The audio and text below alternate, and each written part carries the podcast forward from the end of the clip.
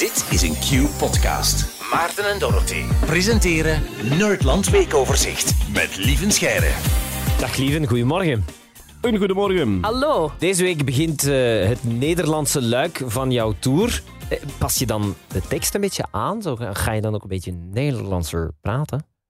Ehm, ik probeer mijn accent Vlaams te houden. Ik heb immens de neiging om Ah, echt? Nederland... Ja, echt waar. Als, als ik met Nederlanders praat, dan heb ik immens de neiging om, om ja, Nederlands accent te beginnen imiteren. Totaal onbewust. En dan word ik keihard uitgelachen door alle Belgen in de, in de zaal. Ehm, dus eh, ik probeer verstaanbaar, doch authentiek eh, te praten. Maar het is zo lekker, Nederlands, vind je niet? Ja, is fijn. Ja, is Ja, leuk.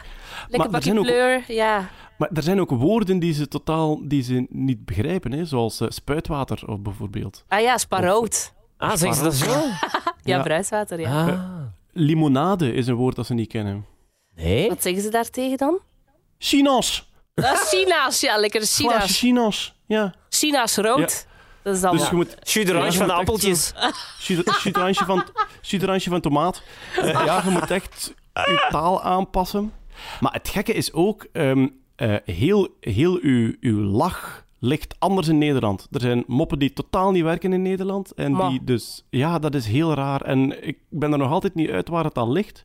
Maar dus, ik ben wel een beetje nerveus, want eh, mijn eerste optreden in Nederland, dat is zoals de eerste pannenkoek, eh, dat mislukt. Omdat, ja, ik heb, nu, ik heb nu vijftig keer in België gespeeld. Heel mijn timing is gericht op dat Vlaams publiek. Ah ja. En, dan, en dus ehm, morgen, ga ik, morgen ga ik een paar keer eh, ja, staan staren naar een zaal die niet reageert. Zoals ze bij ons zeggen, hij staat er naar te kijken gelijk een koe naar een nieuwe staldeur. Ehm, dat is de blik die ik morgen een paar Ja. keer ga in mijn ogen hebben. Ja. Maar dus ja, denk, denk aan mij. Ja, we gaan aan je denken. Dat komt dan ook wel weer goed, Maar hè? Ja, voilà. Waar gaan we het deze week over hebben in het Nerdland Weekoverzicht? Aha, het zou kunnen dat eh, wij later ehm, organen gaan krijgen, vervangorganen, die geprint zijn in de ruimte. Wow. Oké. Eh, ja, zeer benieuwd. Hebben we daar nog wat ruimte voor zometeen? Ik denk het wel. Dat was een mopje, hè? Ah, maar was de mop? Ik snap in de ruimte? Ah, oh. Maar Het wordt, vast, het wordt vast een organisch gesprek. Organen in de ruimte. We willen er Ja. alles over weten. Organen printen in de ruimte. Eh, eh, meer zelfs, de organenprinter is al toegekomen in het International Space Station. Oké. Eh, in het ISS staat er een apparaat en dat heet het de Biofabrication Facility. Oh.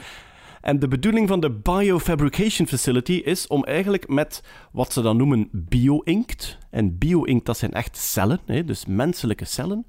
Printen ze structuren waarvan ze dan hopen dat die uitgroeien tot een orgaan. Ehm, ze gaan gemakkelijk beginnen met de meniscus. Kennen jullie de meniscus? Iets met de- aan de knie of zo? Ja. Ja, ja. Heel bekend bij sportmensen, omdat dat eh, eh, blessures zijn die, die vaak voorkomen en Ah, ja. die heel vervelend zijn. Van, vandaar eh, dat wij hier allebei zitten van... Oh, meniscus, waar is dat ook weer? Ja. Eh, de, de, de meniscus is eh, een beetje, ja, je zou kunnen zeggen, de, de, de schokdemper van uw knie. En is ook een beetje, goh, kende zo wekpotten? Hè? Nu zie ik Maarten weer kijken. Dat hebben ze nog niet in Bornem, puur? Sint-Amans. Wekpotten? Van die glazen bokalen met zo'n glazen dekseltje ook op zo. Ja, En dan maar, kan je dat zo vacuüm trekken. Ah, ja, ja, ja, ken het. Ja, ja, ja. Ja, voilà. Maar die, Ja, ja. die, hebben zo, die hebben zo een oranje ehm, rubberen ringetje. Ja? Hè, om, om het goed, om het goed eh, hermetisch af te sluiten. Ehm, eh, de meniscus is een beetje dat. Hè, dus de meniscus is een soort ehm eh, flubberen ringetje dat ehm, bij uw knie in het gewricht zit en dat zorgt dat die botten niet over elkaar schuren en die dat allemaal een beetje op zijn plek houdt. Ja. Ehm, wat is het grote voordeel daarvan? Daar lopen geen aders door.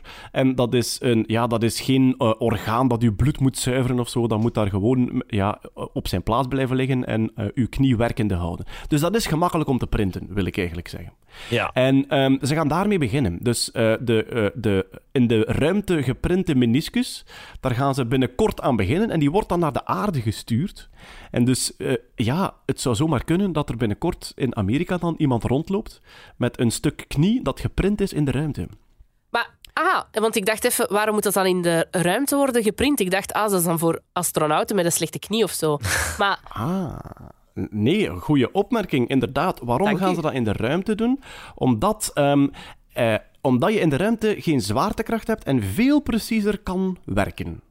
Dus organenprinters op aarde hebben heel veel last van die zwaartekracht, waardoor dat een stukje inzakt en zo en, en allemaal veel moeilijker op zijn plek te houden is. En dus die, ja, die biofabrication facility is eigenlijk gebouwd om te testen, kunnen wij in die zero gravity veel betere organen printen. Ze gaan beginnen met de meniscus en daarna is het de hoop dat ze bijvoorbeeld ook een lever zouden kunnen printen en misschien zelfs ooit een compleet hart. Maar dat is geweldig moeilijk, omdat daar natuurlijk ja, die bloedvaten doorlopen en dat je die allemaal op de juiste plek moet geprint hebben. En ik denk bij een hart is het gemakkelijker om je voor te stellen waarom het moeilijk zou zijn op aarde. Hè? Als je dan printen bent met die grote hartkamers daarin, en eh, je hebt een zwaartekracht, dan zakt dat volledig in. En, dan, ja. en in de ruimte kan je dan een soort um, uh, malletje bouwen, want dat is ook zo gek. Eerst bouwen ze een soort uh, stellingstructuur, noemen ze het zelf. Dus ze, ze bouwen een soort netje dat de juiste vorm heeft van dat hart. En dan spuiten ze daar stamcellen in, zodanig dat die zich vasthechten in die structuur. En dan hopen ze dat die zich omzetten tot spierweefsel um, en dat het een werkend hart zou kunnen worden. Maar dat is echt verre toekomst. We gaan beginnen met de meniscus, met het rubberen flubbertje van de wekpot. En als dat allemaal goed gaat, dan uh, ja, gaan ze waarschijnlijk eerst een lever printen, omdat die nog gemakkelijker is dan het hart. En wie weet hangt er ooit een grote orgaanprintfabriek in een baan rond de aarde. Ja, want als je het een beetje rendabel wil maken, dan moet je wel wat lichaamsdelen printen natuurlijk, als je het in de ruimte wil doen. Maar ik vind het sowieso enorm fascinerend, lieve Scheire. Dankjewel om dat toe te lichten. Tot volgende week. Met plezier, tot dan. Dit was een podcast van Q-Music. Wil je meer? Wil je meer? Kijk op qmusic.be.